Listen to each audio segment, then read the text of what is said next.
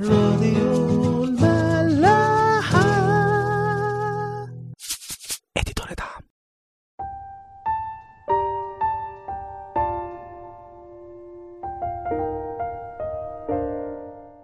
أهلا بيكم في حلقة جديدة من عيش وملح.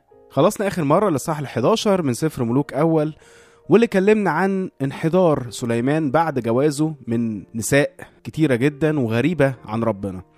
بالرغم من تحذيرات ربنا لشعب إسرائيل في الموضوع ده. فطبعا ده أدى إن سليمان بعد عن ربنا ومشي ورا النساء دي والآلهة الغريبة بتاعتها. فربنا طبعا بيزعل جدا من سليمان وبيقول له عشان اللي أنت عملته ده المملكة بتاعتك هتمزق أو هتتقسم يعني. بس بيقول له إنه عشان خاطر داود أبوه فاولا مش هيحصل الكلام ده في حياة سليمان إنما هيحصل في حياة ابنه. وتاني حاجة إنه مش هياخد منه كل المملكة إنما هيسيب لبيته اللي هو بيت داود سبط واحد يكون ملك عليه. وعلى طول بعدها بيبتدي ربنا يأدب سليمان وزي ما حكينا التأديب ده بيكون من ثلاث محاور أو من خلال ثلاث شخصيات. أول واحد اسمه هدد الأدومي وده ابتدى يحاربه من الجنوب. وتاني واحد اسمه رازون ابن أليداع وده حاربه من الشمال. وتالت واحد وأخطر واحد اللي هو يربعام ابن نباط. وده بقى ربنا بعت له نبي اسمه أخية وقال له إنه هيكون ملك على عشر أسباط بس بعد ما سليمان يموت. لكن يربعام واضح إنه بيستعجل على الملك ده ويبتدي يجمع ناس حواليه عشان ينقلب على سليمان. فسليمان بيعرف وطبعا بيطلب إن هو يقتله. فبيهرب يربعام على مصر. وفي آخر الإصحاح بيحكي لنا إن سليمان بيموت وبيملك مكانه ابنه رحبعام خلونا نكمل ونشوف هيحصل إيه معاه. ال 12 من سفر ملوك أول أعداد واحد ل 17 وذهب رحبعام إلى شكيم لأنه جاء إلى شكيم جميع إسرائيل ليملكوه. ولما سمع يربعام ابن نباط وهو بعد في مصر لأنه هرب من وجه سليمان الملك وأقام يربعام في مصر وأرسلوا فدعوه. أتى يربعام وكل جماعة إسرائيل وكلموا رحبعام قائلين إن أباك قص نيرنا وأما أنت فخفف الآن من عبودية أبيك الخصيه ومن نيره الثقيل الذي جعله علينا. فنخدمك. فقال لهم اذهبوا إلى ثلاثة أيام أيضا ثم ارجعوا إلي. فذهب الشعب. باختصار كده قبل ما نكمل راحوا عام جابوه عشان يعملوه ملك بعد سليمان. فالشعب راحوا جابوا يربعام من مصر لأنه كان هربان وقت سليمان. وراحوا يعني زي بقيادته قالوا له إن إحنا تعبنا من الأحمال اللي كانت أيام سليمان. سليمان زي ما قلنا إن هو في آخر أيامه ابتدى يحملهم أحمال مش بتاعتهم. وما كانوش هم المفروض يخدموا في الحاجات دي إنما الناس اللي هي مش يهود. فقالوا له خف بقى عننا العبودية بتاعت أبوك ومن الأحمال اللي هو كان محملها علينا وإحنا هنخدمك. فقال لهم ماشي روحوا ثلاث أيام وأنا يعني هفكر وهقول لكم هعمل إيه. فقال لنا فاستشار الملك رحبعام الشيوخ الذين كانوا يقفون أمام سليمان أبيه وهو حي. كيف تشيرون أن أرد جوابا إلى هذا الشعب؟ طبعا الشيوخ اللي كانوا وقت سليمان دول هم أكيد شافوا حكمته وشاربين من الحكمة دي. فكلموه قائلين إن صرت اليوم عبدا لهذا الشعب وخدمتهم وأجبتهم وكلمتهم كلاما حسنا يكونون لك عبيدا كل الأيام. فده كان رأيهم. فعمل إيه بقى؟ فترك مشورة الشيوخ التي أشاروا بها عليه واستشار الأحداث أحداث يعني شباب الذين نشأوا معه ووقفوا أمامه. وقال لهم بماذا تشيرون أنتم فنرد جوابا على هذا الشعب؟ الذين كلموني قائلين خفف من النير الذي جعله علينا أبوك. فكلمه الأحداث الذين نشأوا معه قائلين هكذا تقول لهذا الشعب الذين كلموك قائلين إن أباك ثقل نيرنا؟ وأما أنت فخفف من نيرنا؟ هكذا تقول لهم إن خنصري أغلظ من متني أبي. خنصري يعني إصبعي الصغير أغلظ يعني أتخن من متني يعني زي الفخدة بتاعت أبويا. ده مثل كده عندهم يعني معناه إن اللي كان بيعمله أبويا ده ولا حاجة من اللي أنا هعمله. والآن أبي حملكم نيرا ثقيلا وأنا أزيد على نيركم. أبي أدبكم بالسياط وأنا أؤدبكم بالعقارب.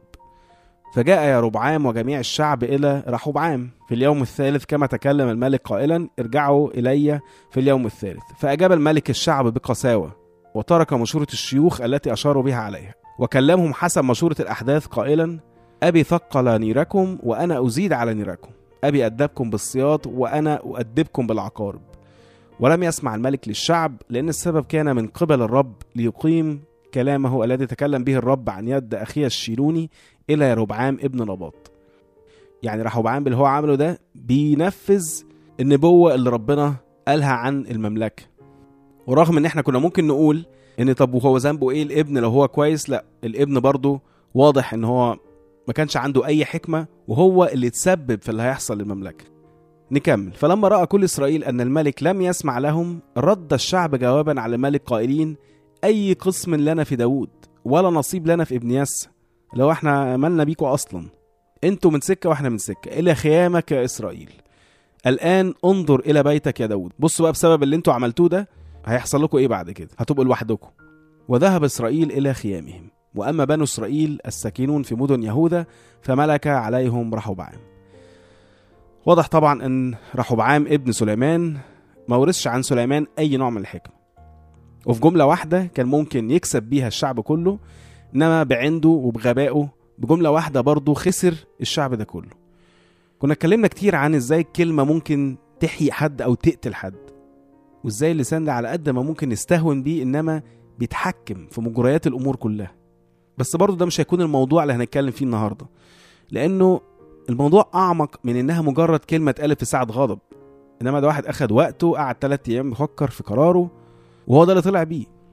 طب إيه بقى اللي حصل؟ ممكن ناخد الموضوع ده من الناحيه السياسية وإنه رحبعام ما كانش حاسس بشعبه لدرجة إنه سمع للشباب اللي اتربى معاهم.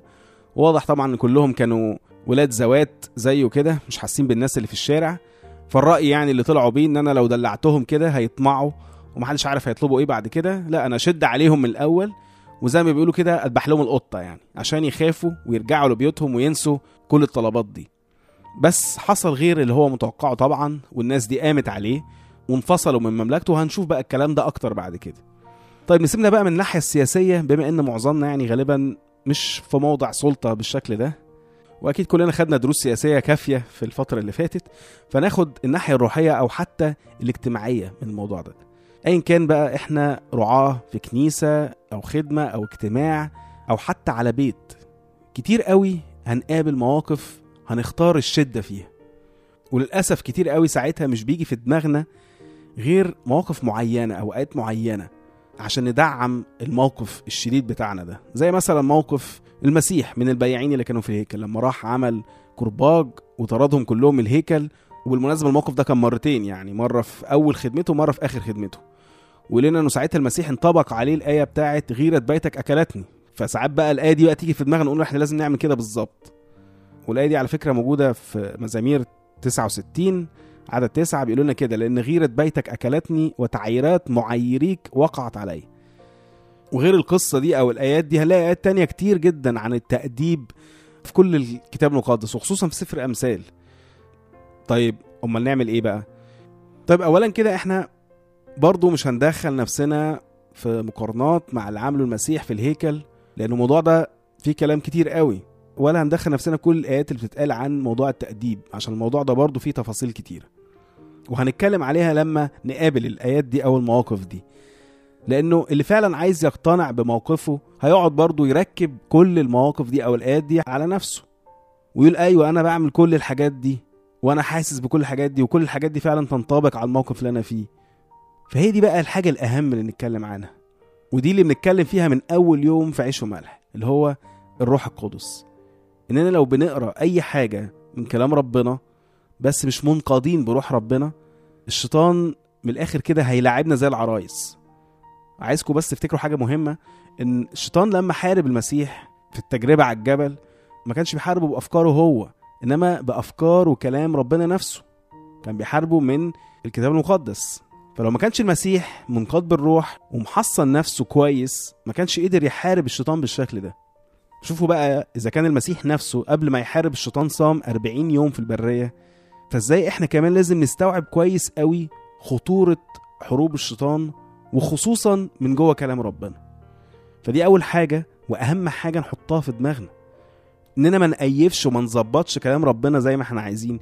إنما نسيب كلام ربنا هو اللي يظبطنا.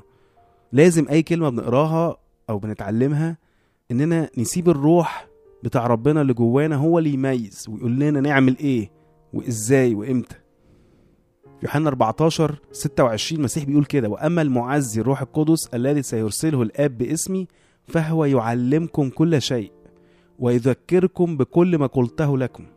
وكأننا كده بالظبط في قراياتنا أو الكلام اللي بنسمعه في أي وعظة أو أي اجتماع كأننا بنذاكر عشان أي امتحان بنقابله كل يوم. بس في وقت الامتحان ده الروح القدس هو اللي بيفكرنا بالإجابات هو ده المسيح بيقوله لنا لأنه من غيره ممكن هندش أي إجابات لأي أسئلة. وتكون حلولنا دايما في منتهى العشوائية. يعني تخيل إن أنت بتقرأ سؤال أنت مش فاهمه فبتجاوب أي إجابة. مهما كنت حافظ كلام كتير قوي في المنهج اللي أنت خدته بس لو أنت مش فاهم السؤال ومش فاهم الإجابة هتحط أي حاجة في أي حتة. فالمحصلة في الآخر صفر. وأقوى دليل على الناس اللي عملت كده هم الفريسيين اللي كانوا حافظين كلام ربنا كويس قوي أكتر من أي حد بس من كتر مقاومتهم لروح ربنا جاوبوا على كل خلينا نقول الأسئلة أو المواقف بآيات مظبوطة بس في أماكن غلط. وده برضو اللي عمله رحبعام بالظبط. أخد حكمة معينة ممكن تكون صح في موقف معين بس استعملها بمنتهى العشوائية ومنتهى الغباء. ففي كلمة واحدة قسم المملكة كلها. فدي أول حاجة. الانقياد بالروح دي أهم حاجة. الحاجة التانية بقى هي حاجات لازم نحطها في دماغنا وإحنا بنتعامل مع أي حد ربنا حطه تحت مسؤوليتنا. أسأل نفسي هل أنا بعمل الحاجة دي عن حب للي قدامي ولا لشخصي؟ هل عشان الحاجة دي هي الصح فعلا واللي ربنا عايزني أعمله ولا بمشي رأيي أنا الشخصي؟ هل وأنا بتصرف ببقى هادي من جوه ولا متعصب وده رد فعلي بسبب العصبية دي؟ هل أنا خايف على الشخص ده ولا خايف على نفسي؟ وعلى سمعتي وعلى مبادئي. هل بتخيل ربنا في كل موقف هيتصرف إزاي؟ لو كان مكاني ولا لأ؟ يعني تخيلوا كده لو ربنا مثلا ضرب كل واحد بيغلط فيه. كنا كلنا فنينا من زمان. لو ربنا منع المصروف عن أي حد بيغلط أو بيصرف فلوسه غلط كنا كلنا شحتنا يا جماعة التعامل بحزم أو التأديب بوجه عام دي حاجة مهمة وربنا نفسه بيعملها معانا. بس قبل كل ده لازم نفتكر برضو إن هو حبنا للمنتهى. يعني الشيوخ لو رجعنا للكلام اللي هم قالوه كلمة حلوة جدا. قالوا له لو أنت بقيت عبد ليهم وخدمتهم وكلمتهم كلام حلو هم هيكونوا عبيد ليك كل الأيام. وده اللي بيعمله ربنا معانا رغم إنه ما كانش محتاج يعمل كده بس هو إدانا حب وبيدينا حب وهيدينا حب كل يوم قبل ما بيطلب مننا إن إحنا نتبعه.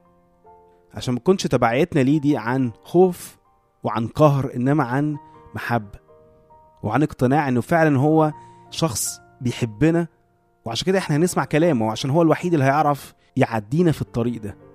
وزي ما قلنا بقى كتير قوي إن أي حاجة بقى بيعملها بعد كده ربنا هي لسبب واحد بس لخلاصنا. وده بالظبط اللي إحنا المفروض نحطه قدامنا وإحنا بنتعامل مع أي حد مسؤول مننا. إني بعمل حاجة دي لخلاصه. مش عشان بدافع عن مبدئي أو عن كرامتي أو عن سمعتي. في إفسس 6 عدد أربعة بولس يقول كده وأنتم أيها الآباء لا تغيظوا أولادكم بل ربوهم بتأديب الرب وانذاره تأديب الرب مش تأديبنا إحنا ودماغنا إحنا. وتاديب الرب مش بكلام الرب بس إنما بكلامه وروحه. في كلوسي 3 21 بيقول حاجة كمان مهمة أيها الآباء لا تغيظوا أولادكم لئلا يفشلوا. إحنا كنا اتكلمنا عن مفهوم النجاح كتير وإن النجاح هو مدى علاقتنا بربنا. إحنا فين منه؟ وده اللي كنا بنقوله وقت يوسف لما كان حتى هو في السجن يقول لك وكان الرب مع يوسف فكان رجلا ناجحا. حتى هو في السجن في أي حتة مش مهم. المهم إن هو ربنا كان معاه. فالفشل بقى هو العكس إن أنا بسبب التأديب الغلط أو الحزم الغلط ممكن أخلي ولادي يفشلوا ويفشلوا يعني يبعدوا عن ربنا. وبدل ما يبقى التأديب أو الحزم سبب خلاص زي ما ربنا بيعمله معانا لا يبقى سبب فشل وسبب بعد عن ربنا وبالتالي سبب هلاك. فزي ما بتفتكر تبقى حازم أو حاسم زي ما ربنا بيعمل افتكر إزاي إنه بيحبنا وبيعمل أي حاجة لخلاصنا وإلا هتتسبب في فشل مملكتك بالظبط زي رحوبعام نشوفكم الحلقة الجاية. راديو ملاح.